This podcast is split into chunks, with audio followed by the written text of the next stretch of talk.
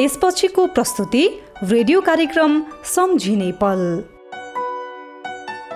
प्रत्येक व्यक्तिका फरक फरक जीवनका भोगाई गहिराईसम्मका अनुभव दुःख सुख शान्ति र समृद्धिको पोको खोल्ने एउटा नयाँ रेडियो कार्यक्रम सम्झिने पल आइतबार राति नौ बजे बुधबार अपरान्न चार बजे र शनिबार बिहान एघार बजे। सुन्ने प्रयास गर्नुहोला। कार्यक्रम सम्झिने पल द मोमेन्ट टु रिमेम्बर प्रस्तोता प्रेम विश्वकर्मा।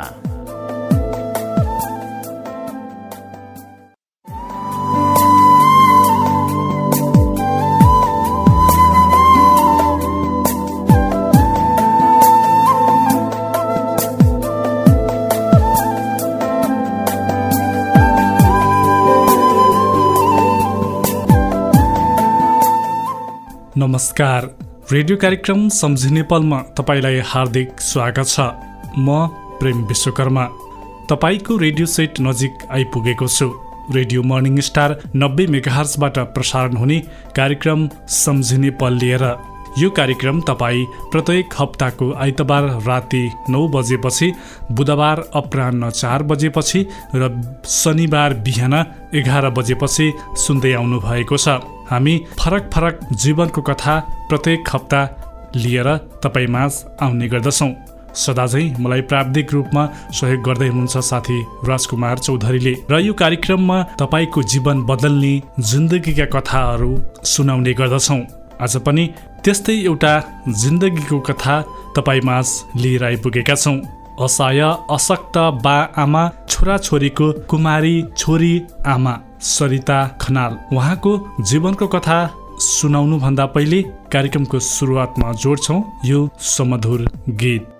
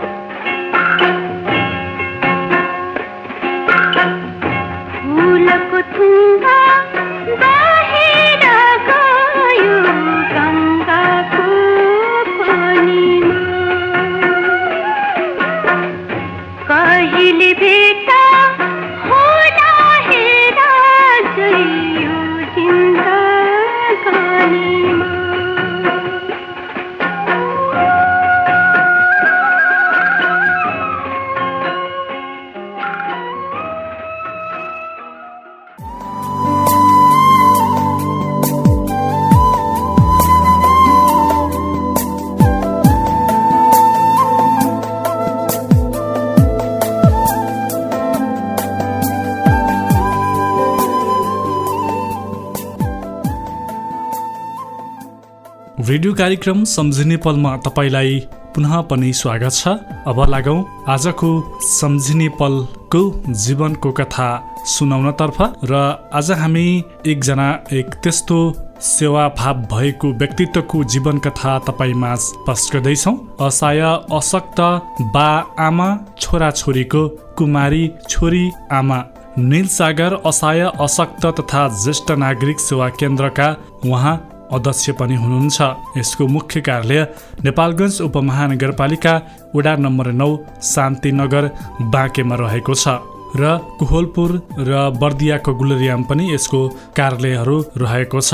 अब लागौँ असहाय अशक्त बा आमा छोरा छोरीको कुमारी छोरी आमा सरिता खनालको जीवन कथातर्फ यहाँलाई रेडियो कार्यक्रम सम्झिने पलमा स्वागत छ।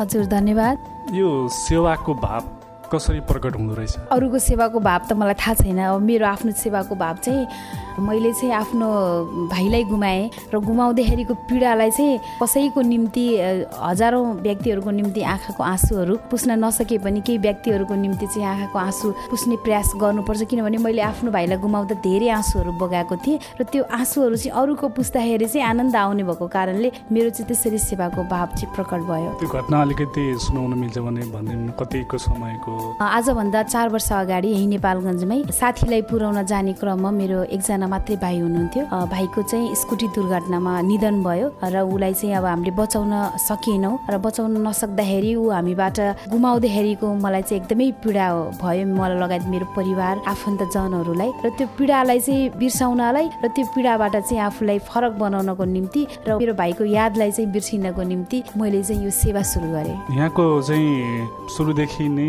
बसाइ नेपालगञ्ज कि अथवा अन्यत्र कतैबाट यहाँ आउनुभएको? मेरो जन्म चाहिँ बर्दियामा भयो। म प्लस टू चाहिँ बर्दियामै पढेँ र ब्याचलर चाहिँ मैले नेपालगञ्जमा गरेँ र नेपालगञ्ज पछि मेरो बसाइ चाहिँ काठमाडौँ थियो। मैले चाहिँ यो म्युजिक विषय पनि पढेकी थिएँ काठमाडौँको बागबजारमा गुरुकुलमा। कति सालको जन्म कुन ठाउँमा बर्दियाको? मेरो जन्म चाहिँ दुई हजार सत्तालिस फागुनको तेइस गते बर्दिया जिल्लामा भएको। बर्दिया यो बडेया ताल गाउँपालिकामा। पारिवारिक अवस्था पनि भनिदिनुहोस्। मेरो चाहिँ घरमा मम्मी बाबा र म र भाइ थियौँ र मेरो बाबा चाहिँ नेवा संस्थामा काम गर्नुहुन्थ्यो। नेवा संस्थाको सुपरभाइजर हुनुहुन्थ्यो भने मेरो मम्मी चाहिँ नारी विकासमा काम गर्नुहुन्थ्यो र उहाँ मेरो बाबा मम्मी दुवैजना सामाजिक अभियन्ता पनि हुनुहुन्थ्यो। उहाँ सामाजिक कामहरूमा धेरै अग्रसर हुनुहुन्थ्यो र मेरो भाइ चाहिँ बिबिएस चाहिँ नेपालगञ्जको सिटी कलेजमा पढ्नु भएको थियो र उहाँ चाहिँ पेप्सी कोलाको क्षेत्रीय म्यानेजरको रूपमा धनगढीमा काम गर्नुहुन्थ्यो। त्यति बेलाको तपाईँहरूको पारिवारिक अवस्था कस्तो अवस्थाको थियो? त्यति बेलाको पारिवारिक अवस्था राम्रै थियो ठिकै थियो सामान्य नै थियो। अनि तपाईँ जुन अब ठाउँमा हुनुहुन्छ होइन यहाँसम्म आउनुको पछाडि एउटा भाइको जुन पीडालाई चाहिँ बिर्सनको लागि होइन सेवा गर्न त्यहाँदेखि सुरु गर्नुभयो होइन। यहाँसम्म आउँदाखेरि थुप्रै कुराहरू चाहिँ सिक्नुभयो होला सिकाउनु भयो होला होइन। यो आउने चाहिँ यहाँसम्म पुग्ने चाहिँ चरणहरू पार गर्दै जाँदाखेरि महत्त्वपूर्ण पहिलो सिकाइ कहाँदेखि भयो? पहिलो सिकाइ चाहिँ मैले विदेशमा सिकेँ। म थाइल्यान्डको ब्याङ्ककमा गथेँ र त्यहाँ चालिस दिने केयर सेन्टरको ट्रेनिङ गरेँ मैले र त्यहाँ सिनियर सिटिजनलाई स्पेसल्ली सिनियर सिटिजनलाई केयरको कुराहरू चाहिँ मैले सिक्न पाएँ र मैले उहाँहरूलाई केयर गर्ने क्रममा चाहिँ ममा सेवा भावना चाहिँ पलाइसकेको थियो। र म भोलिन्टियर भएर काम गर्छु होला कसैको सेवा गर्छु होला र कसैको अफिसमा चाहिँ काम गर्छु होला भन्ने सोचेको थिएँ। आफै अभियन्ता भएर आफैले सुरु गर्छु होला भन्ने खालको ममा चाहिँ आत्मविश्वास थिएन। र म त्यहाँ काम गर्ने क्रममा मलाई त्यहाँ विदेशीहरूले चाहिँ एकदमै मन पराएर नेपालबाट हामी धेरैजना गएका थियौँ र अरू अरू कन्ट्रीबाट पनि आउनु भएको थियो र उहाँहरूले मलाई सिलेक्सन गरेर चाहिँ जापानमा पनि लग्नुभयो। केही दिनको केही महिनाको बसाइ चाहिँ मेरो केयर सेन्टर टोकियोमा पनि भयो त्यहाँ बुवा आमाहरूलाई टेक केयर गर्ने कुरा भयो र त्यसरी चाहिँ मेरो पहिलो सिकाइ भनेको चाहिँ त्यहाँबाट सुरु भएको अवसर कसरी पाउनुभयो त्यहाँसम्म पुग्ने? त्यहाँसम्म पुग्ने अवसर चाहिँ मैले कुनै कम्पनीबाट पैसा खर्च गरेर आफैले सिक्ने भन्दा पनि त्यो बेलामा चाहिँ मलाई घुम्ने रहर थियो। मैले चाहिँ घुम्न पाउँछु विदेश जान पाउँछु र त्यहाँ ब्याङ्कक भनेको एकदमै राम्रो ठाउँ हो र त्यहाँ गएर चाहिँ मलाई एकदमै घुम्नु छ।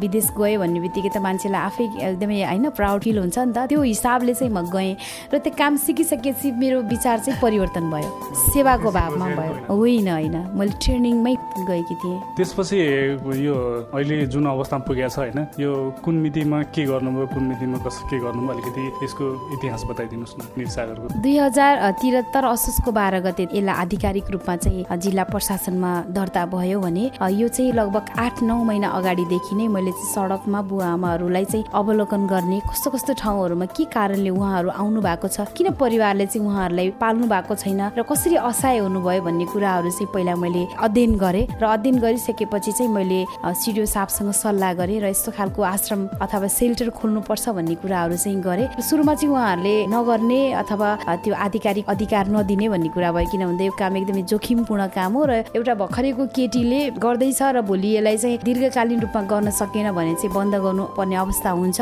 भनेर चाहिँ उहाँहरूले सुरुमा चाहिँ त्यो मलाई चाहिँ अधिकार दिनु भएन र मैले चाहिँ उहाँहरूले अधिकार नदिँदा नदिँदा पनि अलि म जिद्दी स्वभावको पनि थिएँ। अधिकार नदिँदा नदिँदै पनि मैले आठजना बुवाहरूलाई बागेश्वरीको मन्दिरबाट चाहिँ उद्धार गरिसकेको कारणले गर्दा त्यो काम हेरिसकेपछि नै उहाँहरूले जिल्ला प्रशासनबाट चाहिँ यो निलसागर आश्रमको चाहिँ प्रमाणपत्र दिनुभयो मलाई चाहिँ। त्यसरी चाहिँ सुरु भएको आठजनाबाट अहिले कतिजना पुग्नु भएको छ? अहिले सबै गरेर चाहिँ अब सबै ठाउँको गरेर चाहिँ अब दुई सयजनाको हाराहारीमा हुनुहुन्छ। सेवा प्रदान गरेको हामीले। कस्तो खालको सेवा केन्द्र हो खासमा यहाँ? के के हुन्छ? कस्तो किसिमको सेवा दिनुहुन्छ? कसरी उद्धार सुरुमा चाहिँ अब निलसागरले चाहिँ सिनियर सिटिजन बुवा आमाहरूलाई चाहिँ केयर गरेको थियो होइन। मैले लगायत मेरो संस्थाको संस्थापक उपाध्यक्ष नारायण सुवेदी सर हामी दुवैजनाले चाहिँ यसलाई सुरुवात गऱ्यौँ। र पछि चाहिँ पछिल्लो चरणमा हामी अरू अरू आश्रमहरूमा भिजिट पनि गर्न गयौँ। र सडकमा र जङ्गलमा एकदमै बेबारिसी अवस्थामा चाहिँ बस्न बाध्य खुल्ला आकाशलाई आफ्नो घर मानेर छाना मानेर बस्न बाध्य व्यक्तित्वहरूलाई चाहिँ धेरै भेटायौँ र त्यसरी चाहिँ उहाँहरूको नजरमा चाहिँ उहाँहरूलाई चाहिँ संरक्षण गर्ने संस्थाहरू चाहिँ नेपालमा कम पाएको कारणले गर्दा थप विधानलाई संशोधन गरेर चाहिँ सडकमा दुःख पाउनु भएको जो आफ्नो परिचय गुमाएर बस्नु भएको छ जसलाई आफ्नो छोराछोरीले हेर्नु भएको छैन र खुल्ला आकाशमा बस्नु भएको छ त्यस्तो व्यक्तित्वहरूलाई चाहिँ संरक्षण गर्नु एकदमै जरुरी देखेर त्यस्तो व्यक्तित्वहरूको निम्ति चाहिँ हामी अग्रसर भएर उद्धार गर्ने कार्य चाहिँ गऱ्यौँ। हजुर यो काम कति समय खट्नुहुन्छ यो कामको लागि अलिकति प्रेरणा मैले मेरो भाइलाई गुमाएर पाए पनि यो काम गर्नको लागि चाहिँ मलाई एकदमै उत्प्रेरणा मिलेको भनेको चाहिँ यो संस्थाको संरक्षक डाक्टर योगी विकासानन्द गुरु हुनुहुन्छ। उहाँको किताबहरूबाट पनि थप मलाई चाहिँ ऊर्जाहरू मिल्यो प्रेरणा मिल्यो जीवनमा केही गर्नु पर्दो रहेछ। मानव भएर जन्मिसकेपछि बाचुन्जेलसम्म केही गर्नुपर्छ भन्ने खालको प्रेरणा मिल्यो। र त्यो प्रेरणाको कारणले गर्दा चाहिँ बिहान आठ बजेबाट निस्केको नौ बजेसम्म चाहिँ हामी एकदमै खटिरहेका हुन्छौँ। यो बाहेक अरू केही पनि गर्नुहुन्छ कि? जस्तो मान्छेले एउटै मान्छेले चार पाँचवटा कामहरू गरेर हुन्छ हजुरको जीवन पनि त्यस्तै केही छ कि? मैले चाहिँ जुन दिन मैले निलसागरलाई स्थापना गरेँ।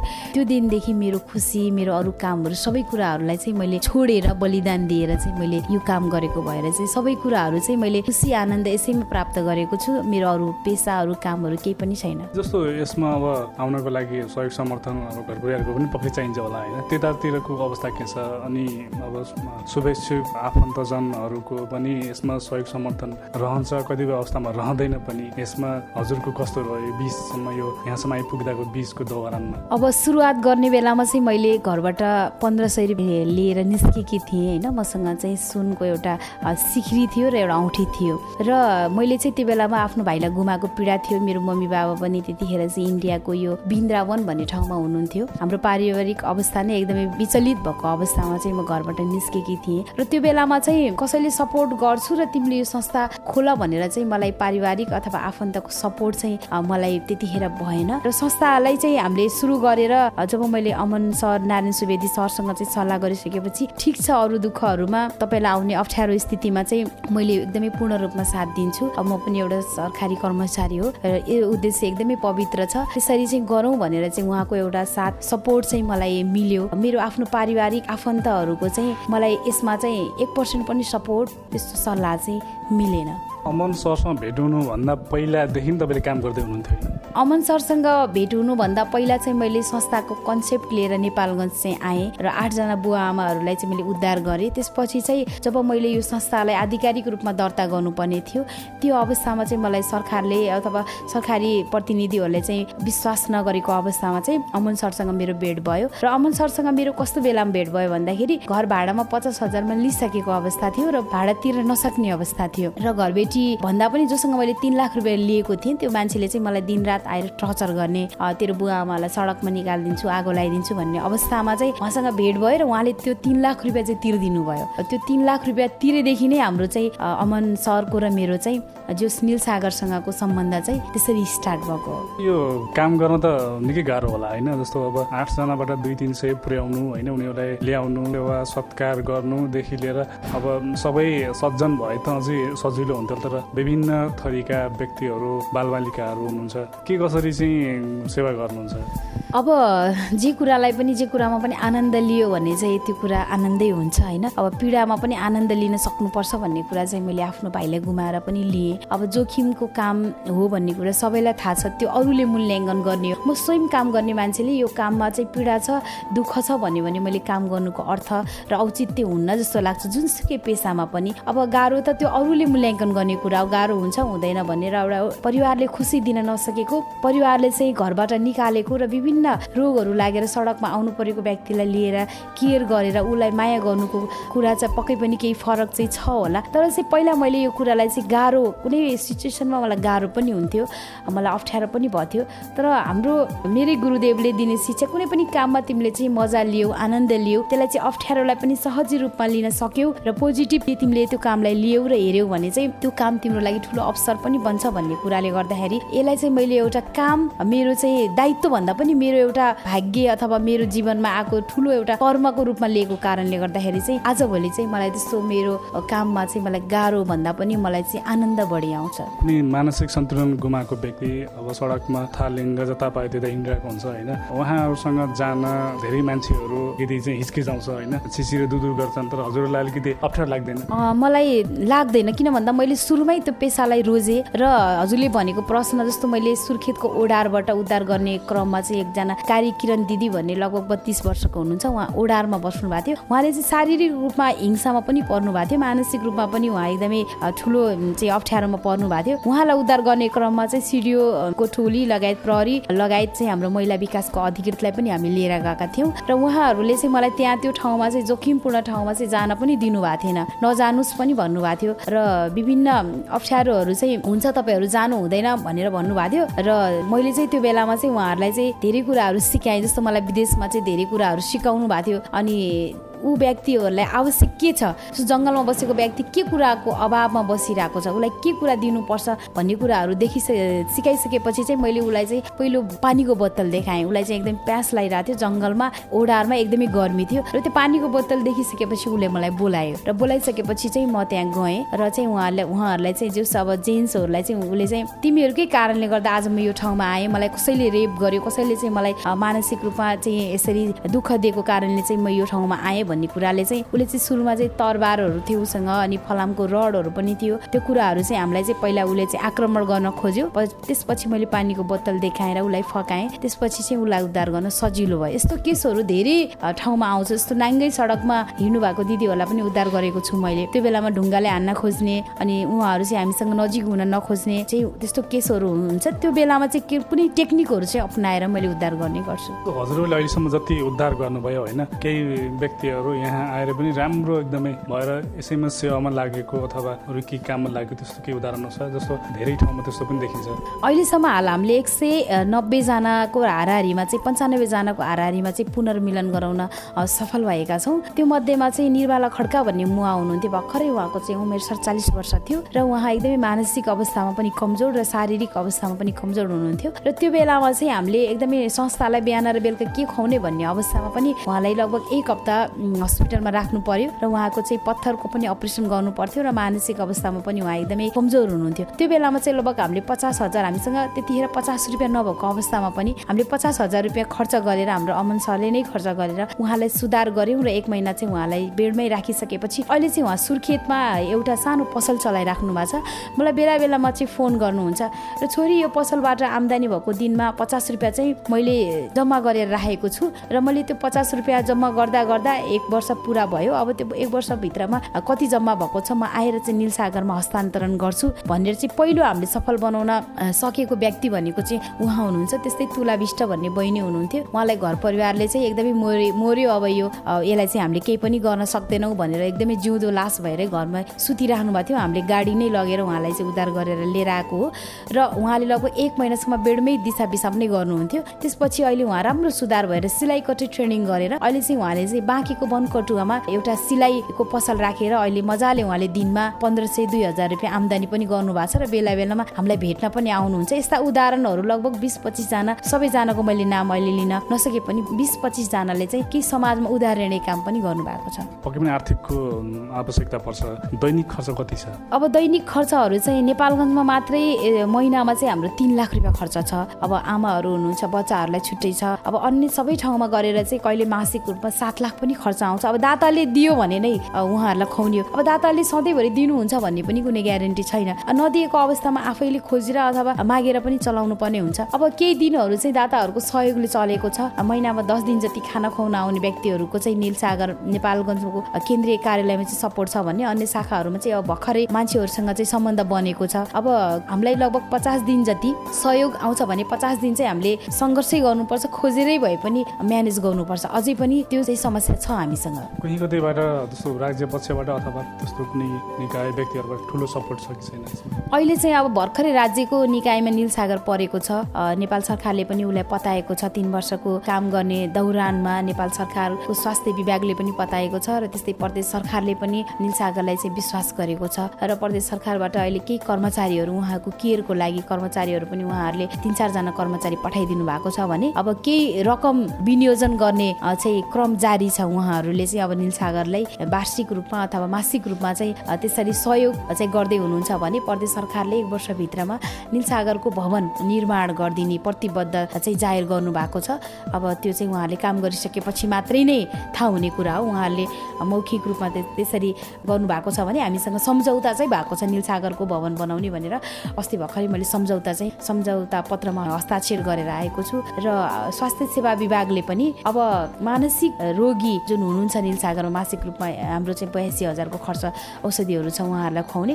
त्यो औषधिको व्यवस्थापन चाहिँ अब सायद हामीलाई चाहिँ यो स्वास्थ्य सेवा विभागले चाहिँ अब छिट्टै गर्दैछ। त्यो पनि हाम्रो लागि ठुलो उपलब्धि पनि हो। तपाईँहरू जुन काम गर्दै हुनुहुन्छ होइन यहाँ आउने खास गरी चाहिँ धेरै जस्तो व्यक्तिहरू बच्चादेखि अब ज्येष्ठ नागरिकसम्म बुढाबुढीसम्म हुनुहुन्छ होइन उहाँहरू कस्तो कस्तो प्रकारको हुनुहुन्छ? जस्तो धेरै मानसिक रोगी अथवा चाहिँ धेरै अपाङ्गता भएको अथवा विभिन्न कारणले त्यस्तो समस्यामा परेको? अब सकेसम्म अलिकति हात खुट्टा चल्ने केही गर्न सक्नेलाई त परिवारले मायाले भन्दा पनि कामको लोभले पनि राखेको हुन्छ होइन? अब बिहान बेलुका खाना पकाउन सक्ने यसो घरमा सरसफाइ गर्न सक्नेलाई त परिवारले केही गरिदिनुहुन्छ भनेरै राख्छ। सडकमा आउने भनेको केही गर्नै नसकेर होइन? शारीरिक अवस्थामा कमजोर पनि भयो मानसिक अवस्थामा कमजोर भयो उसले केही गर्न नसकेपछि नै परिवारबाट ऊ अपहेलित हुन्छ अनि सडकमा आउँछ। त्यस कारणले गर्दाखेरि चाहिँ असहाय पनि हुनुहुन्छ शारीरिक रूपमा अपाङ्गता भएको व्यक्तित्व पनि हुनुहुन्छ मानसिक रूपमा चाहिँ मानसिक समस्या भएको व्यक्तित्व पनि हुनुहुन्छ विभिन्न किसिमको व्यक्तित्वहरू हुनुहुन्छ। तर धेरै जसो उद्धार गर्ने व्यक्ति भनेको चाहिँ शारीरिक अवस्था कमजोर र मानसिक अवस्था कमजोर भएको व्यक्तिहरू नै हुनुहुन्छ। धेरै ठाउँमा जति पनि सेवाको भावले संस्थाहरू खोलिन्छन् होइन सञ्चालन गरिन्छन् त्यहाँ विभिन्न सहयोगहरू हस्तान्तरण गरिन्छन् त्यहाँ चाहिँ अलिक धार्मिक कुराहरूलाई बढी जोड दिने गरिएको पाइन्छ होइन। यो निलसागरमा पनि अलिकति धर्मलाई नै जोड दिएर त्यतिर चाहिँ मोड्न खोजे हो कि? पहिलो कुरा धर्म के हो भन्ने कुरा बुझ्नु जरुरी छ होइन? मान्छेले घन्टी बजाउँदैमा पूजा गर्दैमा मन्दिरमा जाँदैमा धर्म हो भन्ने कुरा चाहिँ मलाई लाग्दैन। धर्म भनेको कुरा सेवा गर्नु नै धर्म हो र सेवा भनेको जो पाए त्यही मान्छेमा आउँदैन। अलिकति ज्ञान हुनै पर्छ सेवाको लागि अलिकति ध्यान हुनै पर्छ र अलिकति योग ध्यानको कुराहरू हुनै पर्छ। र निल सागरले योग ध्यान र ज्ञानको कुरालाई जोडेको छ। डाक्टर योगी विकासानन्द यसको प्रमुख संरक्षक हुनुहुन्छ। उहाँ कुनै धर्मसँग प्रतिपादन गरेको व्यक्ति होइन। उहाँले कुनै भगवान्लाई मान्नुपर्छ कुनै मूर्तिलाई पूजा गर्नुपर्छ भनेर भन्नुभएको छैन। कुनै पनि किताबमा र कुनै पनि उसमा। त्यस कारणले गर्दा उहाँले के भन्नुभएको छ भन्दा तिमी स्वयं भगवान् हो। तिमी भित्रको तत्त्वलाई जागेपछि नै सेवा गर्न सक्ने हो नि त होइन? म भित्र एउटा मानव छ। म जस्तै मानव सडकमा अलपत्र अवस्थामा परेको छ। म म जस्तै एउटा केटीले आमाको माया र बुवाको मायाबाट वञ्चित छ। त्यो मान्छेलाई माया गर्नको लागि ममा त भित्र सेवाको भावना आउनु पर्यो। र त्यो सेवाको भावना आउनको लागि जो पाए त्यही मान्छेमा आउँदैन। उसमा त्यो खालको फिलिङ्स हुनु पर्यो त्यो कृपा हुनु पर्यो। त्यस कारणले निल सागरले कुनै धर्मलाई लिएर हिँड्दैन। निल सागरको सबैभन्दा ठुलो धर्म भनेको मानव धर्म हो। निल सागरमा बस्नु भएको बुवा आमा र छोराछोरीको कुनै थर छैन। निल सागरै छ। त्यस कारणले गर्दाखेरि चाहिँ निल सागरले कुनै धर्म कुनै राजनीतिसँग पनि निल सागर टच छैन र डाक्टर योगी विकासानन्दले मनको क्रान्ति गर्न सिकाउनु भएको छ। तिमी भित्रको मनलाई मजबुत बनाएपछि नै तिमीले गर्न सक्ने हो। किन भन्दा आज म निल सागरको अध्यक्ष भएर लिडिङ गर्न सक्नु भनेको मेरो पहिलो सफलता भनेको मेरो आफ्नो कन्फिडेन्स पावर हो। त्यस कारण उहाँले कन्फिडेन्स पावरलाई जगाइदिनुहुन्छ। र मैले पनि यहाँ बस्नुहुने मेरा छोराछोरी र बुवा आमा र मेरा अभियन्ताज्यूहरूलाई पनि त्यो कन्फिडेन्स पावर जगाउनु पर्छ तपाईँले। त्यो कन्फिडेन्स पावरलाई जबसम्म हामीले जगाइदिन म स्टाफ नर्स हो भनेर त्यहाँनिर बुवाले आमाले दिशा गरिराख्नु भएको छ लडिराख्नु भएको छ त्यहाँ मेरो स्टाफ नर्स अगाडि आयो भने त मैले बुवा आमालाई उठाउन सकिनँ नि त। म भित्रको भित्रको सेवाको भावना अगाडि आउनु पर्यो। त्यस कारणले गर्दा निल सागरले सेवाको भावना जगाउने कार्यक्रम गरिरहेछ पहिल्यैदेखि र अहिले पनि त्यसको सुरुवात गरिरहेछ। त्यस कारण निल सागर कुनै धर्मसँग चाहिँ टचमा चाहिँ छैन। नर्सिङ क्षेत्रमा पनि ज्ञान हासिल गर्नुभएको मैले बाहिर चाहिँ सिकेँ। केयर यो नर्सिङ केयर टेक केयर भन्छ। स्पेसली नर्स कोर्स त मैले गर्न नपाए पनि सिनियर सिटिजन नर्सिङ केयर भन्ने कोर्स चाहिँ मैले केही महिना ट्रेनिङ चाहिँ गरेँ। उहाँहरूलाई कसरी केयर गर्ने भन्ने कुरा चाहिँ। जति पनि तपाईँहरूसँग अहिले अभियन्ताहरू जोडिनु भएको छ होइन? उहाँ चाहिँ तपाईँ जस्तै केही न केही विधामा चाहिँ पोख्त हुनुहुन्छ अथवा सिक्दै हुनुहुन्छ? उहाँहरू जोडिनु भएको बहिनीहरू अब कोही चाहिँ भोलिन्टियर स्टाफ नर्स हुनुहुन्छ कोही अनामी हुनुहुन्छ कसैको चाहिँ आमा नभएको बहिनीहरू अनामी बहिनी सियामी बहिनीहरू कसैले आमा गुमाको बहिनी हुनुहुन्छ कसैलाई कुनै जीवनमा कुनै घटना घट्यो त्यसरी चाहिँ प्रेरणा मिलेर ल म दिदी तपाईँको काममा चाहिँ म साथ दिन्छु भनेर जोडिनु भएको छ। कुनै बहिनीहरू चाहिँ मैले सुरुमा उहाँहरूलाई स्टाफ कर्मचारीको रूपमा राखेँ तर काम गर्दा गर्दा उहाँहरूमा सेवाको भावना आयो र उहाँहरूले चाहिँ म एज अ कर्मचारी होइन कि यो निलसागरको एउटा अभियन्ता भएर काम गर्छु भनेर त्यसरी पनि जोडिनु भएको छ। अहिले चाहिँ सबै ठाउँमा गरेर चाहिँ बाह्रजना हुनुहुन्छ कर्मचारी अभियन्ताहरू। खर्च व्यवस्थापनको कुरा छ स्रोत साधन सम्पत्तिको कुराहरू छ होइन? यसको आफ्नै जग्गाहरू त्यस्तो केही छ? अहिले चाहिँ हामी भाडामै छौँ। अब सुरुवातदेखि अहिलेसम्म चाहिँ धेरै खर्च गर्नुभएको यो संस्थाको उपाध्यक्ष हाम्रो नारायण सर जसले आफ्नो तलबहरू कैयौँ महिना आफ्नो घरमा नदिएर पनि निलसागरको बुवा आमालाई खानाको लागि भाडा तिर्नको लागि उहाँले सहयोग गर्नुभयो। सुरुवात पहिलो व्यक्ति जो एउटा सरकारी कर्मचारी भएर पनि तन मन धनले सहयोग गर्नुभयो। त्यसपछि एक डेढ वर्षपछि बिस्तारै केही व्यक्तिहरू आउनुभयो हेर्नुभयो कोही चुनावको दौडानमा आशीर्वाद लिन आउनुभयो। त्यसरी पनि कति व्यक्तिहरूले मासिक रूपमा वार्षिक रूपमा सहयोग बोल्नु पनि भयो र पहिलो सहयोगी त्यसरी चाहिँ सहयोग गर्न आउनु भएको हाम्रो चुनावको दौडानमा हाम्रो विजय गुप्ता अभिभावक संस्थाको। उहाँले सुरुवातमा महिनामा पाँच हजार रुपियाँ सहयोग गर्नुभयो हामीलाई। त्यसरी बाहिरी मान्छेहरू त्यसरी जोडिँदाखेरि पहिलो व्यक्ति त्यस्तै गरी हाम्रो रूपडियाको शान्ति स्टोरले चाहिँ हामीलाई महिनामा पाँच हजार त्यस्तै गरी कारकान्दोको मनकारी एकदमै लेडिज ग्रुप समूहको दिदीहरू हुनुहुन्छ दसजना। उहाँहरूले पनि एक एक हजार उठाएर सातजना ग्रुप ग्रुपले दस हजार रुपियाँ सहयोग गर्नुभयो र केही व्यक्तिहरूले कसैले दुई हजार कसैले पाँच हजार कसैले एक हजार आफ्नो स्वत सबैजना दाताहरू हुनुहुन्छ। केहीजनाको मैले नाम लिँदाखेरि केहीजनाको नाम छुट्दाखेरि दुःख पनि लाग्न सक्छ। धेरैजना व्यक्तित्वहरूको सहयोग साथ र शुभभावले चलेको छ। त्यस्तै डाक्टर प्रकाश नाग हुनुहुन्छ जो स्थापना कालदेखि नै उहाँले निलसागरको बुवा आमालाई निशुल्क भोलिन्टियर गर्नुभयो। त्यस्तै डाक्टर तन्बिर अहमद खान डाक्टर चाहिँ हाम्रो सुरेश कनोडिया हुनुहुन्छ डाक्टर प्रकाश थापा डाक्टर जिरा साके डाक्टर चाहिँ हाम्रो छालाको डाक्टर बद्री चापागाई कुमार शाह उहाँहरू सबैजनाले हामीलाई सहयोग गर्नुभएको छ। बुवा आमाहरूलाई पर्ने अप्ठ्यारो स्थिति छोराछोरीलाई पर्ने अप्ठ्यारो स्थितिमा उहाँहरू एज अ भोलिन्टियर स्वास्थ्य कर्मी मात्रै नभएर आपतकालीन अवस्थामा खाद्यान्न चामल दाल आपतकालीन अवस्थामा बच्चाहरूको फी तिर्नेदेखि लिएर कपडाहरू किनिदिने उहाँहरूको साथ सपोर्ट चाहिँ धेरै छ। भनेको यसको आफ्नै चाहिँ भवन बनाउनको लागि पनि पहल भएको छ आफ्नै जग्गामा। हजुर यसको भवन बनाउनको लागि चाहिँ मैले अघि पनि भने प्रदेश सरकारले एक वर्षभित्रमा निल सागरको बुवा आमाको छोराछोरीको निम्ति एउटा भवन बनाइदिन्छु भनेर चाहिँ प्रतिबद्ध जाहेर गर्नुभएको छ। जग्गा चाहिँ हामीलाई अहिले प्रदान चाहिँ दुई कट्ठा छ तर हामीले भवन बनाउन स्टार्ट गऱ्यौँ भने फेरि थपिदिनुहुन्छ र हाम्रो भवनको डिजाइन पाँच करोडको छ। र मैले प्रदेश सरकारलाई के भनेको छु भन्दाखेरि बजेट निल सागरको खातामा नदिनुहोस्। हाम्रो खातामा चाहिँदैन किन भन्दा मान्छेले पैसा आउन थालिसकेपछि विभिन्न कुराहरू आउन सक्छ होइन? विभिन्न कुराहरूले चाहिँ ल यसरी पैसा आयो रे यसरी गरे रे यति पैसा आयो रे यति रकम आयो रे भन्ने कुराहरू आउँछ अपवादको रूपमा आउन सक्छ। मैले पैसाको निम्ति यो काम सुरु गरेको होइन मैले अघि नै पनि भने मेरो आफ्नो भाइ गुमाइसकेपछि नै सेवाको निम्ति काम गरेको हो। पैसा त मेरो घरमा बुवा आमाले कमाएको सम्पत्ति छ मैले सबै छोडेर आएको छु भने मैले खोजेको भनेको सम्बन्ध हो। अब प्रदेश सरकारले एक वर्षभित्रमा भवन बनाइदिनु भयो भने मासिक रूपमा चालिस हजार भाडाबाट पनि हामी बस्थ्यौँ। र हामीले नगरपालिकालाई निवेदन पनि दिएका छौँ। तत्कालको लागि अरू केही गर्न नसके पनि भाडा तिर्दिनुहोस् अरू म्यानेजमेन्ट हामी गर्छौँ। भनेर अब सायद निल सागर नेपालगञ्जको लागि चाहिँ हामीलाई नगरपालिकाले भाडा तिर्दिनु हुन्छ होला भन्ने आश चाहिँ छ। र घर आफ्नै जग्गामा हामीले चाहिँ बुवा आमालाई राखेर उहाँहरूलाई केयर गर्ने हिसाबले बच्चाहरूलाई खेल्ने हिसाबले बुवाहरूलाई अलग आमाहरूलाई अलग र दिदीहरूलाई अलग त्यस्तो खालको एउटा डिजाइन बनाएको छु मैले बाहिर पनि हेरेर आएको थिएँ। सिङ्गापुरमा मैले हेरेको थिएँ। त्यो खालको भवनको नक्सा रेडी भएको छ। र अब हामी छिटै शिलान्यास गरेर यसलाई बनाउने तयारी चाहिँ गर्दैछौँ।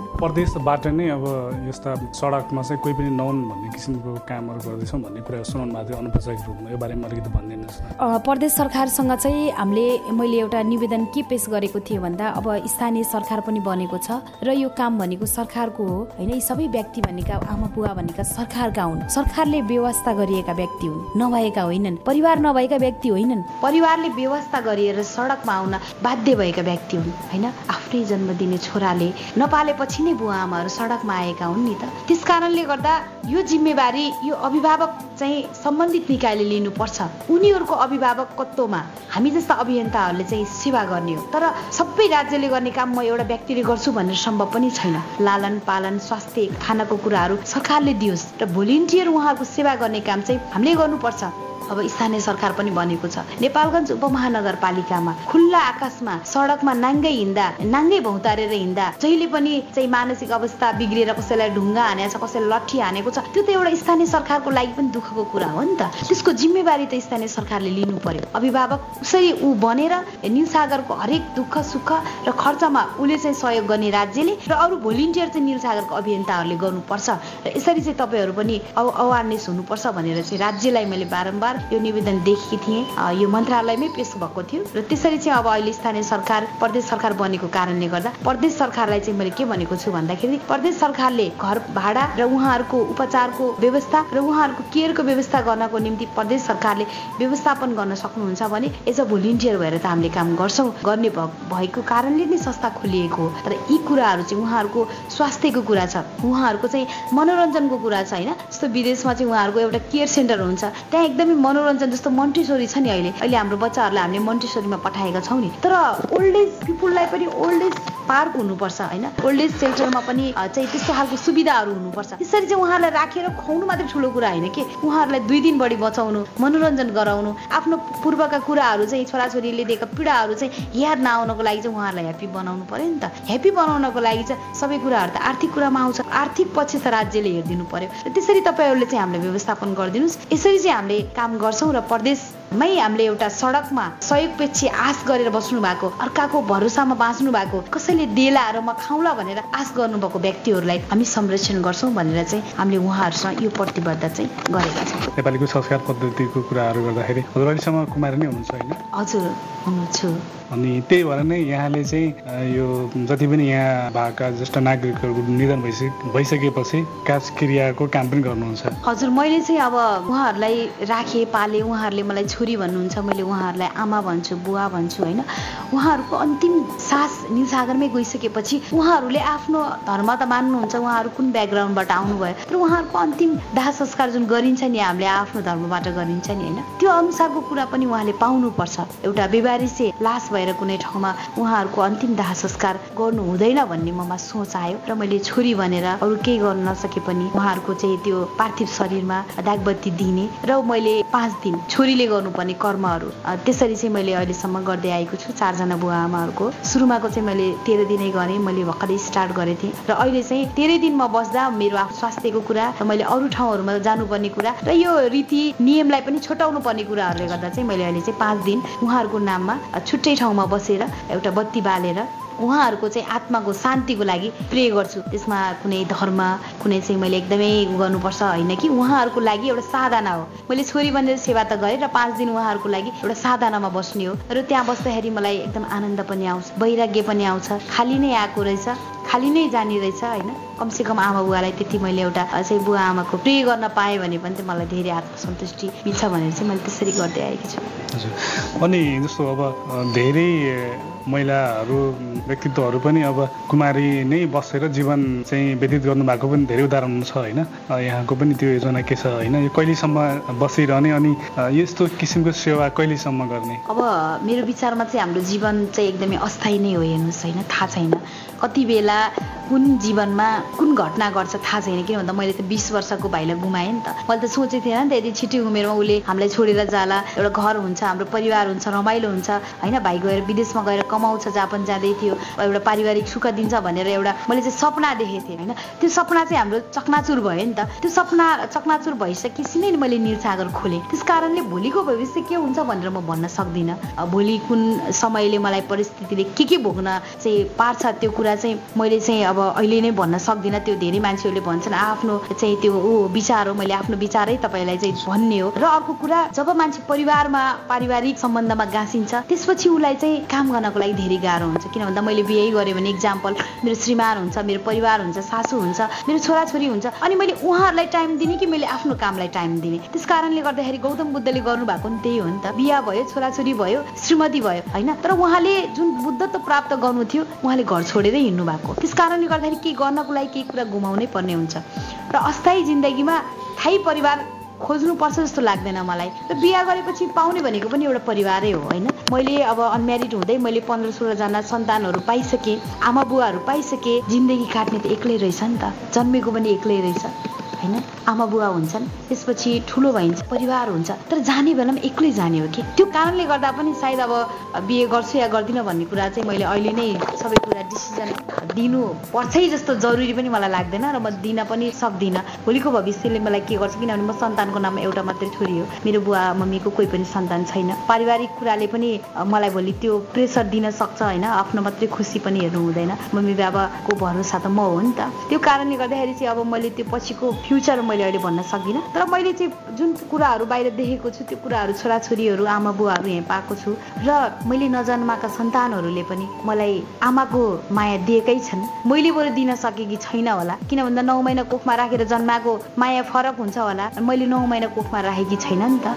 मैले साथमा मात्रै राखेकी छु। त्यस कारणले मैले आमा बन्ने प्रयास गरिरहेको छु तर मेरो सन्तानहरूले चाहिँ पूर्ण रूपमा मलाई चाहिँ आमाको माया छोराछोरीको माया चाहिँ मलाई दिनुभएको छ। त्यस कारणले गर्दा भोलि त मैले पन्ध्र सोह्रजना बच्चाहरूलाई नै चाहिँ गलत्याएर बिहा गरेँ भने त सन्तान जन्मिन्छ मैले एउटा सन्तानको लागि दुई सयजना सन्तानलाई धोका दिनुपर्ने हुन्छ। त्यस कारणले मैले आफ्नो खुसीलाई मात्रै प्राथमिकता दिने कि मैले चाहिँ अरू खुसीलाई प्राथमिकता दिने भन्ने कुरा पनि आउँछ। यो कुरा धेरै मान्छेहरूले बुझ्न सक्नुहुन्न। मैले चाहिँ आफूलाई त्यसरी चाहिँ आफ्नो जीवनलाई चाहिँ त्यसरी लगेकी छु। अनि यो यति लामो समयसम्म आइपुग्दाखेरि होइन सबैभन्दा खुसी भएको दिन अथवा दुखित भएको दिन जस्तो के छ? पलहरू? सबैभन्दा खुसी भएको दिन चाहिँ मैले उहाँहरूलाई खुसी बनाउँदाखेरि नै हो। आमा बुवाहरूलाई सबैभन्दा धेरै मैले उहाँहरूले भनेको कुराहरू खुवाउन सक्दा र उहाँहरूलाई उहाँहरूको ओठमा मुस्कान दिन पाउँदा चाहिँ म खुसी भएको दिन छ भने मैले कुनै दिन छ आमाहरूलाई चाहिँ खाना पनि नभएको दिन मैले चाहिँ चामलहरू नभएको दिनमा पनि मैले कसैसँग माग्दाखेरि उसले नदिएर मैले चाहिँ आफ्नो सुन राखेर होइन मोबाइल पनि राखेर मैले चामल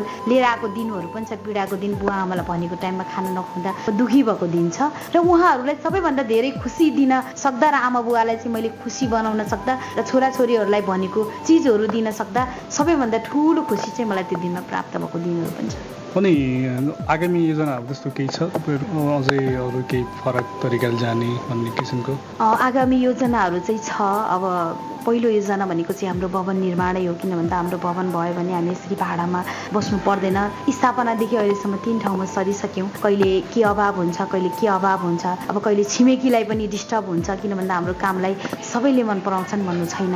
त्यो कारणले गर्दा आफ्नो छुट्टै भवन भइदियो। त्यसलाई पनि हामीले चाहिँ टस नगरिकन बस्न पायौँ भने छोराछोरीलाई पनि आनन्दसँग राख्न सक्छौँ।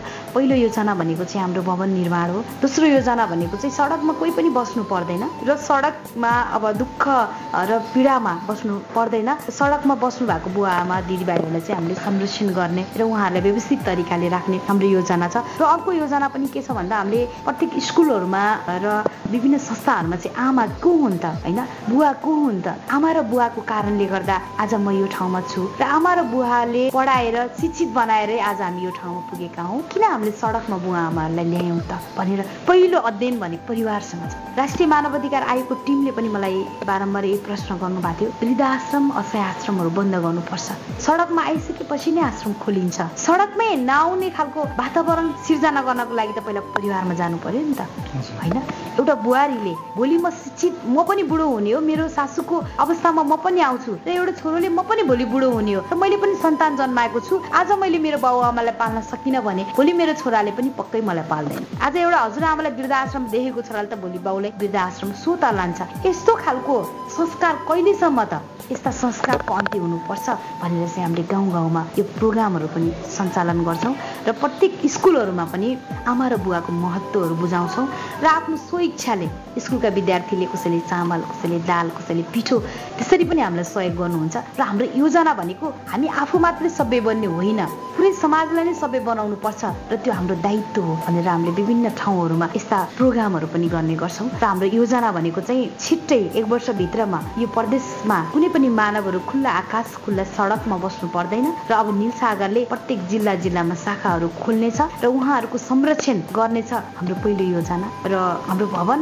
हुनुपर्छ र उहाँहरू आफ्नै भवनमा बस्न पाउनुपर्छ। कहिलेसम्म चाहिँ भाडा तिर्दै एउटा अप्ठ्यारो अवस्थामा चाहिँ एउटै उहाँलाई चाहिँ एकदमै होइन खुल्ला ठाउँ भएन फराकिलो ठाउँ भएन अरूले बनाएको घरमा बसाल्नु पर्ने हुन्छ। त्यस कारणले उहाँहरूको इच्छा अनुसारको फराकिलो घर रमाइलो गर्ने होइन गार्डियन हुनुपर्छ। अघि नै मैले भनिसकेँ बच्चाहरूलाई चिल्ड्रेन होमको मात्रै आवश्यक देख्छन् मान्छेहरूले। सरकारले हरेक निकायले ओल्ड एज पिपल पिपुललाई ओल्ड एज ओल्ड एज पिपुललाई घुम्नको लागि पार्क पनि हुनु पर्यो। त्यस्तो खालको कन्सेप्ट पनि छ त्यसरी चाहिँ यो निल सागरलाई लाने र पृथक लाने र सकेसम्म आफ्नो बुवा आमालाई घरमै पाल्नुपर्छ। र कुनै दिन निल सागरको तर्फबाट र मेरो आफ्नो व्यक्तिगत तर्फबाट म सफल भएको त्यो दिनको परिकल्पनामा म बसिरहेको छु। प्रत्येक आश्रममा भिजिट गर्न जाँदा कुनै पनि वृद्ध आमा बुवा ज्येष्ठ नागरिक बुवा आमाहरू नभेटियोस् जिरो होस् शून्य होस्। अनाथ बालबालिका भनेर कुनै आश्रमहरू नखोलियोस् त्यो दिनको परिकल्पनामा म बसेको छु। मेरो इच्छा भनेको दुई सयजना आमा बुवालाई आश्रममा पाल्नु छैन। एकजना आमा बुवा पनि आश्रममा नभेटिएको दिन म प्रतीक्षामा छु र मलाई लाग्छ मैले अहिले एक सय पचासीजनालाई घरमा पुनस्थापन गर्न सकेँ। नेपालको सबैभन्दा ठुलो उपलब्धि भनेर राज्यले सम्मान पनि गरेको छ। त्यही कोसिसमा छु म पारिवारिक पुनर्मिलन गराउनु नै मेरो ठुलो दायित्व र संस्थाको दायित्व र हाम्रो टिमको दायित्व। त्यो सपनामा चाहिँ अहिले संस्थाको उपाध्यक्ष अमन सर र अध्यक्ष सरिता। हामी दुवैजना यही अभियानमा छौँ। काम गर्दै जाँदाखेरि सकारात्मक र नकारात्मक दुइटै चाहिँ प्रश्नहरू टिका टिप्पणीहरू आउँछन् होइन। यहाँहरूले काम गर्दै जाँदाखेरि अब त्यस्ता नकारात्मक कुराहरू पनि आउँछन् होला सकारात्मक कुरा पनि आउँछन् होला त्यस्तो केही छ? अब पहिलो कुरा त आफ्नो बुझाइ हो के कुरालाई मैले नकारात्मक मान्ने सकारात्मक मान्ने? मैले हर कुरालाई सकारात्मक मान्छु। मसँग सकारात्मक क्षमा त छ र मैले काँडालाई पनि फुल देख्न सक्छु। तर भन्नै पर्दाखेरि मैले स्टार्टिङ गर्ने बेलामा मलाई के व्यक्तिहरूले दस लाख पन्ध्र लाखको चेकहरू पनि लिएर आएर दिनुभयो र त्यो फोनहरू अझै पनि आउँछ मलाई। त्यो संस्थाको एउटा प्रमुख बनाएर मलाई राखिदिनुहोस्। म तपाईँको घर बनाइदिन्छु। तपाईँको बिल्डिङ बनाइदिन्छु तपाईँको छोराछोरीलाई पढाइदिन्छु गाडी किनिदिन्छु यो किनिदिन्छु भन्ने कुराहरू अझै पनि आएको छ। स्टार्टिङदेखि नै अहिलेसम्म आउने क्रमहरू जारी छ है। अब त्यो कुरालाई मैले कसरी लिन्छु भन्ने ठुलो कुरा हो।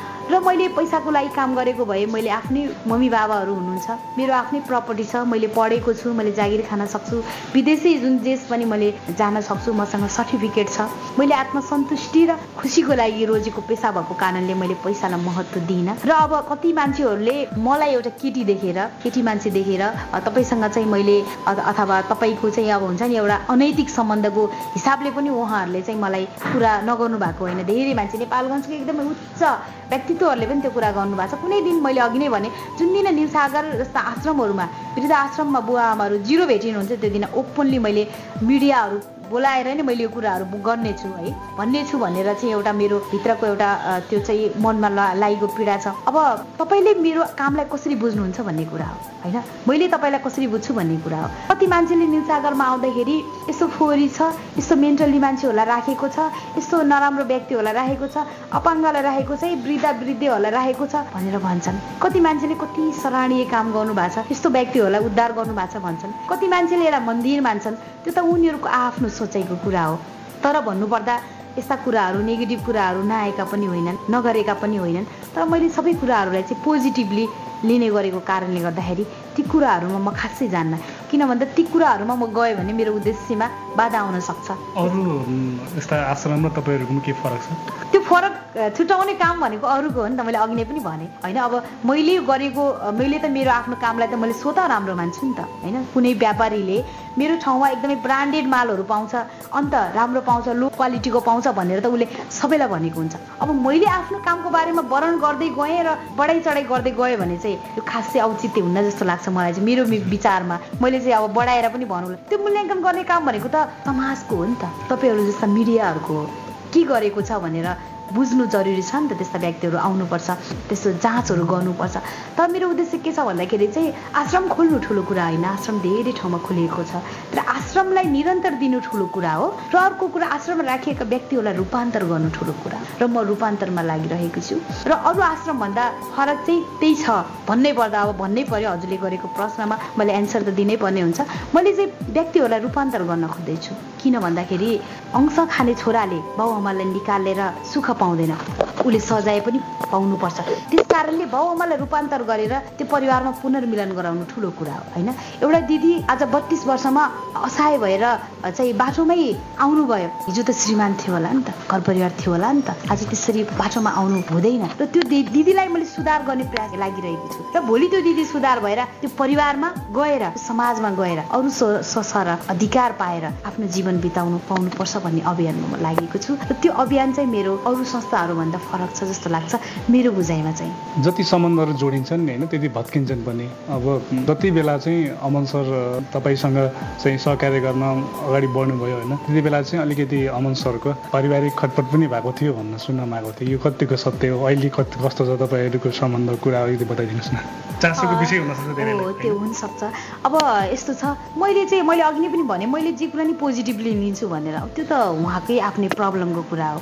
अब निलसागर खोल्दैमा निलसागरमा सेवा गर्न आउँदैमा उहाँको पारिवारिक खटपट हुन्छ। मेरो पारिवारिक खटपट हुन्छ भने त मेरो आफ्नो परिवारको प्रब्लम हो उहाँको प्रब्लम हो। तर अलिकति के कुरा हुन्छ भन्दाखेरि आम मान्छेहरूले यस्ता कामहरूलाई बुझ्न सक्दैनन् होइन? अब सुरुमा स्टार्टिङमा के हुनसक्छ भन्दाखेरि नजर चाहिँ सरितामा जान सक्छ केटीमा जान सक्छ। सरिता देखेर अमन त्यहाँ गएको भन्ने कुरा परिवार अथवा अन्य समाजलाई त्यो एउटा प्रश्नको विषय पनि हुनसक्छ होइन? अब त्यो उहाँहरूले त्यो कुरा त कामबाट पनि रिजल्टबाट पनि पाइसक्नु भयो भयो होला हरेक मान्छेले सुरुमा जसले पनि नेगेटिभ चाहिँ कुराहरू गर्छ किनभने समाज छ हाम्रो सबै कुराहरू हाम्रो शिक्षा प्रणालीदेखि सबै कुराहरू हाम्रो त्यो भएको कारणले सो सोच्नु चाहिँ स्वाभाविकै हो। अब अहिले चाहिँ उहाँको परिवारमा त्यस्तो खटपट छ जस्तो लाग्दैन किन भन्दाखेरि उहाँको पनि निलसागरमा सेवा गरेको कारणले उहाँले पनि धेरै आत्मसन्तुष्टि प्राप्त गर्नुभएको छ र बच्चाहरू पनि उहाँहरूको धेरै राम्रो छन् धेरै शिक्षामा धेरै एक्टिभ छन् र बाउले गरेको सत्कर्मले गर्दा पनि बच्चाहरूले त्यो अवसर पाएका हुन्छन्। बाउ आमाले गरेको कर्मले र उहाँको म्याडमले पनि अहिले बिहानदेखि बेलुकासम्म आएर निलसागरमा बुवा आमालाई सेवा गर्ने एउटा छोरी बनेर बुहारी बनेर सहयोग गर्ने होइन? अब नाटकै हिसाबमा पनि मैले उहाँलाई दाई उहाँको म्याडमलाई चाहिँ भाउजू भन्छु किन भन्दा मैले मेरो मम्मीले नै उहाँहरूलाई एउटा छोरा बुहारी स्वीकारेको कारणले गर्दा हामी एउटा पारिवारिक परिवार पनि बनिसकेका छौँ। र उहाँको जति योगदान छ उहाँको मिसेसको पनि त्यति योगदान छ। किनभने उहाँको मिसेसले आफ्नो परिवार छोरालाई अथवा हिँडिदिनु भएको कारणले नै उहाँ सेवा गर्न आउनु भएको छ। र अहिले त उहाँहरू परिवारै यहीँ आउनुहुन्छ। र सबै सहयोग गर्नुहुन्छ उहाँको म्याडमले बच्चाले र अब त परिवारमा चाडपर्व पनि निलसागरमै मनाउने र परिवारमै मनाउने। यहाँको आमा बुवाहरू बित्दाखेरि उहाँको परिवारले पनि नुन बार्न थाल्नु भएको छ भनेपछि एउटा परिवारै हुनुभएको छ। अब त्यो चाहिँ आउनको लागि अमन सरको काम अमन सरको योगदानले नै भयो। किन भन्दा गौतम बुद्धले घर छोडेर जाँदा पनि गौतम बुद्धलाई धेरै अपवादहरू आएका थिए। श्रीमतीले पनि धेरै कुराहरू गर्नुभएको थियो। होइन अब समाजले पनि यसरी जोगी भएर हिँड्यो एउटा राजाको छोरा भनेको थियो। र गौतम बुद्धलाई बौद्धत्व बुद्धत्व प्राप्त गर्नु थियो नि त। त्यस कारणले गर्दा अब अमन सरले पनि टुहुरो हो उहाँ। एसोसमा पढ्नु भएको आमा गुमाउनु भएको। त्यो कारणले त उहाँलाई छोयो नि त। र उहाँ आउनुभयो। उहाँको परिवारले त आमा बुवाहरू गुमाएको छैन नि त। र उहाँको परिवारले चाहिँ बुझ्ने भनेको रिजल्टले हो कि? कामले हो। उहाँले गरिसकेको कामले उहाँको आफन्त र परिवारले बुझ्यो। र बुझिसकेपछि बुवाले श्रीमानले गरेको काम गलत रहन्छ है। हामी गलत रहेछौँ। अब हामी नै जोडिनुपर्छ भनेर त्यसरी परिवार जोडिनु भयो। र मेरो आफ्नो कुरामा पनि दुई वर्षसम्म मेरो परिवार पनि आउनु भएको होइन। मेरो मम्मी बाबा पनि आउनु भएको होइन। ल एउटा छोरा त मऱ्यो अब एउटा छोरी पनि मऱ्यो। जिउँदै मऱ्यो किनभने हामीलाई केयर नगरेपछि त यो अरूलाई केयर गर्न गई अरूलाई केयर गरिसकेपछि त ऊ मरि नि त भनेर मेरो परिवारबाट कुरा आइसकेपछि दुई वर्षसम्म मेरो परिवार पनि आउनु भएन तर मैले उहाँहरूलाई बुझाउनतिर लागिनँ। मलाई थाहा थियो बुझाउनतिर लाग्नु भनेको चाहिँ मूर्खता हो। समयलाई प्रतीक्षा गरेर बस्न सक्नुपर्छ। किन भन्दा मेरो एउटा साथीले मलाई एउटा ठुलो शिक्षा के दिएको थियो भन्दा मेरो भाइको एक्सिडेन्ट हुँदा मेरो मम्मी धेरै रुनुहुन्थ्यो। एकदमै मेन्टल्ली डिस्टर्ब भएर हिँड्नुहुन्थ्यो। बिजुलीको पोल पोलमा हात हाल्नुहुन्थ्यो। राति राति बारीहरूमा दुख्नुहुन्थ्यो। सर्पले टोकेर मलाई म मर मर्न पाऊँ होइन। करेन्ट लागेर म मर्न पाऊँ। फाँसी लागेर म मर्न पाऊँ भनेर उहाँले धेरै प्रयास गर्नुभएको थियो। किन भन्दा एउटा आमालाई जन्म दिने आमालाई छोरा गुमाउँदा धेरै पीडा हुन्छ नि त। तर मेरो साथीले मलाई एउटा कुरा के सिकाएको थियो भन्दाखेरि सरिता समय हो। तिम्रो मम्मीलाई त्यो समय आउनुपर्छ। तिम्रो मम्मीले त्यो भाइको चाहिँ मायालाई भोर्नको लागि। तिमीले त्यो समयलाई जित्ने प्रयास गर्यौ भने जुनसुकै किसिमको पनि दुर्घटना घट्न सक्छ। त्यस कारणले तिमीले त्यसलाई स्वीकार मात्र त्यसलाई हेर मात्रै बस मात्रै। कुनै दिन त्यो पनि आउँछ तिम्रो मम्मीले। छोराको माया र छोराको सबै कुराहरूबाट पनि तिमीबाटै प्राप्त गर्न सक्नुहुन्छ भनेर उसले चाहिँ मलाई अस्ट्रेलियाबाट चाहिँ आएर मेरो घरमा आएर उसले त्यो कुरा सिकाएको थियो र त्यो कुराबाट पनि म धेरै प्रभावित भएँ। र मैले मम्मी बुवाहरूले मलाई त मेरो सन्तान होइन मेरो लागि मरिस भनेर धेरैचोटि भन्नुभयो। मैले स्वीकारेँ। र स्वीकारेँ र अहिले उहाँहरू स्वयं महिनामा एकचोटि खाना खुवाउन आउनुहुन्छ तिन कट्ठा जग्गा बर्दियामा निलसागरको नाममा दान पनि गरिसक्नु भएको छ है। अब धेरै पैसा पर्ने जग्गा हो त्यो। र बेला बेलामा अप्ठ्यारो स्थितिमा मैले मम्मी बुवाहरूसँग पनि पैसा दाइसँग अमन दाइसँग नहुँदा घरबाटै मैले लिएर आउँछु माग्छु उहाँहरूसँग। उहाँहरूकै साथ सहयोगको कारणले गर्दाखेरि आज म यो ठाउँमा छु। उहाँहरूले कमाएको हजुरबुवाहरूले कमाएको सम्पत्तिहरू छ। र मम्मी बुवाको इच्छा पनि अब के छ भन्दा त्यो सम्पत्ति नै भोलि तिमीलाई अप्ठ्यारो पऱ्यो भने त्यो सम्पत्ति बेचेर पनि सहयोग गर्छौँ। भन्ने चाहिँ उहाँहरूले प्रतिबद्धता पनि मलाई दिनुभएको छ। र मलाई चाहिँ अब मैले पाउने अंश हकहरू जति छ त्यो चाहिँ मैले अब समाजसेवा र मेरो निसागरमै मैले चाहिँ लिएर आएर भोलि राज्यले पनि बनाइदिएन घर र राज्यले पनि हेरेन भने मैले मिडिया समेत चाहिँ पहिला पनि बोलेको थिएँ कि मेरो आफ्नो किडनी बेचेर पनि मैले उहाँहरूलाई पाल्नेछु मैले धोका दिने छैन भनेर। अब चाहिँ मैले केही सम्पत्ति छ मेरो त्यो बेचेर भए पनि उहाँहरूलाई संरक्षण गर्नेछु त्यो बेलामा मेरो मम्मी बुवाहरूले मेरो कुरा बुझ्नुहुन्थेन र मैले किडनी बेच्नेसम्म चाहिँ सोचेको थियो भने अहिले मेरो मम्मी बुवाहरूले मलाई बुझ्नु भएको छ मेरो प्रपर्टी छ मैले प्रपर्टी बेचेर पनि उहाँहरूलाई पाल्छु भन्ने एउटा चाहिँ मभित्र आत्मविश्वास पनि छ। अब अन्त्यमा जसले यो असहाय असक्त अनाथ व्यक्तिहरूलाई बुझ्न सक्नु भएको छैन होइन? उहाँहरूलाई कस्तो किसिमको सल्लाह सुझाव दिनुहुन्छ? मैले उहाँहरूलाई के भन्न चाहन्छु भन्दाखेरि सकेसम्म घरमा भएको ज्येष्ठ नागरिक बुवा आमाहरूलाई चाहिँ हामीले सम्मान गरौँ। ज्येष्ठ नागरिक भनेका यो देशका राष्ट्रका समाजका घरका धरहरा हुन्। उहाँहरूबाटै हामी छौँ आज है? उहाँहरूकै प्रेरणाले आज यो ठाउँमा छौँ। उहाँहरू नभइदिएको भए हामी हुन्थेनौँ। त्यस कारणले पहिला उहाँहरूको महत्त्व बुझौँ। घरमा भएका ज्येष्ठ नागरिकहरूलाई इज्जत सम्मान दिउँ। त्यसपछि घरभन्दा बाहिर सडकमा आउनु परेका ज्येष्ठ नागरिकहरूलाई यसरी खुलिएका संस्थाहरूमा पनि उद्धार गरेर राखौँ। र त्यो संस्थामा आइसकेका र संस्थामा राखिएका व्यक्तित्वहरूलाई पनि हरेक कुराहरूको आवश्यकता पर्न सक्छ। खानपान लालनको कुराहरू हुन्छ स्वास्थ्यको कुरा हुन्छ होइन? आफूले सधैँभरि गर्न नसके पनि महिनामा त्यस्ता संस्थाहरूमा गएर पैसाले सहयोग गर्नुपर्छ भन्नु छैन। मनले उहाँहरूलाई रमाइलो गर्न सकियो। उहाँहरूलाई एक दिन बसेर खाना पकाएर खुवाउन सकियो। उहाँहरूलाई नुहाइदिन सकियो। त्यहाँ बस्नु भएको छोराछोरीहरूलाई आमा नभएका बच्चाहरूलाई आमाको अनुभूति गर्न सकियो। त्यसरी पनि उहाँहरूले चाहिँ आइदिनु पर्छ र आइदिनु होस् भन्ने मेरो रिक्वेस्ट पनि छ। किन भन्दा मान्छे जन्मेपछि एक दिन मर्ने नै हो। हेर्नुहोस् यो संसारमा मैले कसैलाई पनि चाहेर लान सक्दिनँ। मैले कमाएको सम्पत्तिहरू लिएर जान सक्दिनँ। मैले लिएर जाने भनेको मलामी हो। मैले यदि उहाँहरूलाई राम्रो गर्न सकेको रहेछु र कुनै समाजमा मैले छाप छोड्न सकेको रहेछु भने नै उहाँहरू मेरो घाटसम्म पुग्ने हो। त्यस कारणले गर्दा यस्ता सङ्घ संस्थाहरूलाई पनि राज्यले नै गर्नुपर्छ भन्नु चाहिँ मलाई लाग्दैन। राज्यले सम्भव पनि छैन किनभने राज्यको आँखा नपर्न पनि सक्छ। महिनामा तिन सय पैँसठी दिन हुन्छ। तिन सय पैँसठी दिनमा प्रत्येक व्यक्तिले आएर निलसागर मात्रै नभएर अन्य संस्थाहरू जो यस्ता व्यक्तिहरूको निम्ति काम गर्नको लागि अग्रसर छन् त्यस्ता संस्थामा महिनामा एक दिन खाना खुवाइयो भने तिन सय पैँसठी दिन त्यसरी पनि सहजीकरण हुन्छ। तिन सय पैँसठी दिन यस्ता संस्थाहरूले अरू कुराहरूमा सोच्न पायो। उहाँहरूको स्वास्थ्यमा सोच्न पायो। अन्य व्यक्तिहरूलाई सोच्न पायो। यसरी पनि उहाँहरूले सहयोग गर्न सक्नुहुन्छ र सहयोग गर्नु पनि पर्छ किन भन्दा जन्मेपछि एक दिन मर्नै पर्छ। है यो एकदमै ध्रुव सत्य कुरा हो। जन्मिँदाखेरि हामी खुसी भएर जन्मिन्छौँ। मर्ने बेलामा सबैलाई रुवाएर जाने नै हो। लिएर जाने केही छैन नाङ्गै जाने हो। यो बिचको समयमा हामीले केही गर्न सक्यौँ भने नै सबैले सम्झिने हो र गर्नु पनि पर्छ। हामी मानव भएर जन्मिनुको अर्थ यही हो हेर्नु सृष्टिमा सबैभन्दा उत्कृष्ट प्राणी मानव जातिलाई मानेको छ र त्यो चेतनाको कारणले मानेको। हामीसँग चेतना छ र त हामी आज हामी यो ठाउँमा छौँ। चेतना नभएको कारणले नै मान्छे सडकमा पुगेको छ। त्यो चेतनालाई चाहिँ हामीले सेवा गरेर कसैलाई सहयोग गरेर नै देखाउन सकिन्छ। नत्र भने पशु र हामीमा के बिच भयो? पशुलाई पनि थाहा छ दुध दिनुपर्छ। पशुलाई पनि थाहा छ घाँस खानुपर्छ। पशुलाई पनि थाहा छ गोठमा बस्नुपर्छ होइन? तर मानवले नै पशुलाई खेर गर्ने। त्यसरी चाहिँ हामीले गर्नुपर्छ जस्तो लाग्छ सहयोगी मनहरूलाई यहाँको ठेगाना पनि भन्दैन अलिकति सम्पर्क कसरी कसैले सहयोग गर्न चाह्यो भने कसरी गर्न सक्छ? सहयोगी मनहरूलाई सर्वप्रथम म धन्यवाद। किनभने सोच आउनु नै सबैभन्दा ठुलो कुरा हो। र स्वागत पनि भन्न चाहन्छु। र सहयोग गर्न चाहने व्यक्तिहरूले निलसागरमा आएर नै हामीलाई डोनेसन बक्समा सहयोग गर्न सक्नुहुन्छ निलसागरको रिसिभमा सहयोग गर्न सक्नुहुन्छ। निलसागरको खाता छ राष्ट्रिय वाणिज्य ब्याङ्कमा छ। निलसागरको खाता कर्णाली विकास ब्याङ्कमा छ निलसागरको खाता साङ्ग्रिला डेभलपमेन्ट विकास ब्याङ्कमा छ। त्यहाँबाट पनि उहाँहरूले सहयोग गर्न सक्नुहुन्छ। निलसागरमै आएर पनि सहयोग गर्न सक्नुहुन्छ। निलसागरमा बुवा आमालाई चाहिँ आएर छाक खाना खुवाएर पनि सहयोग गर्न सक्नुहुन्छ। र त्यसरी विभिन्न माध्यमबाट पनि जुन निलसागरलाई सहयोग गर्न चाहने शुभचिन्तक हुनुहुन्छ उहाँहरूले चाहिँ निलसागरमा सम्पर्क गरेर निलसागरको फोन नम्बर छ निलसागरको अफिसको जिरो एकासी पाँच बिस आठ आठ आठ नेपालगञ्जको छ भने कोलपुरको चाहिँ जिरो एकासी चार दस एक सय अठासी चाहिँ कोलपुरको फोन नम्बर छ भने हाम्रो फोन मोबाइल नम्बर चाहिँ अन्ठानब्बे पाँच असी तेइस चार आठ आठ मोबाइल नम्बरमा पनि सम्पर्क गरेर उहाँहरूले सहयोग गर्न सक्नुहुन्छ। हुन्छ अति व्यस्त भएर समय दिनुभयो। यहाँलाई धेरै धेरै धन्यवाद। धेरै धेरै धन्यवाद छ।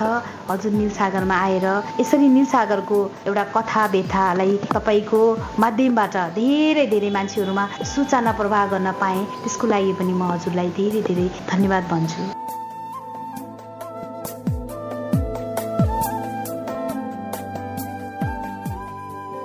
सुन्नुभयो असहाय अशक्त बा आमा छोराछोरीको कुमारी छोरी आमा सरिता खनाल अर्थात् निलसागर असहाय अशक्त तथा ज्येष्ठ नागरिक सेवा केन्द्रका अध्यक्ष सरिता खनाल जीवसँग गरिएको कुराकानी। उहाँसँगको कुराकानी उहाँको जीवन भोगाई तपाईँलाई कस्तो लाग्यो? जस्तो लाग्यो त्यस्तै सुझाव सल्लाह प्रतिक्रियाको हामी अपेक्षा गर्दछौँ। यदि कसैलाई सहयोग गर्ने मन छ भने कृपया यस ठेगानामा पनि सम्पर्क गर्न सक्नुहुन्छ। रेडियो मर्निङ स्टार नेपालगञ्ज उपमहानगरपालिका वडा नम्बर दस गोसाई गाउँ बाँके रेडियो कार्यक्रम सम्झे नेपाल। अथवा तपाईँसँग पनि यस्तै कुनै पनि जीवनको कथाहरू छन् भने हामीलाई सम्पर्क गर्न सक्नुहुन्छ। हामी तपाईँलाई यताबाट सम्पर्क गर्ने प्रयास गर्नेछौँ। हाम्रो फोन नम्बर हो अन्ठानब्बे चार बयासी सत्तरी पाँच सय सात। हामी तपाईँको जीवनको कथालाई उचित स्थान दिने प्रयास गर्नेछौँ। हवस् त आजको रेडियो कार्यक्रम सम्झिने पल सुनेर साथ दिनुभएकोमा रेडियो नब्बे मेगाहर्सको फ्रिक्वेन्सी मार्फत सुन्ने साथी तपाईँ र अनलाइनमा radio morning star dot com dot NP र गुड न्युज खबर डट कमबाट सुनेर साथ दिनुभएकोमा तपाईँलाई धेरै धेरै धन्यवाद। धन्यवाद प्राविधिक साथी राजकुमार चौधरीलाई पनि भन्दै आजको कार्यक्रम सम्झिने पलबाट प्रेम विश्वकर्मा बिदा माग्छु। नमस्कार।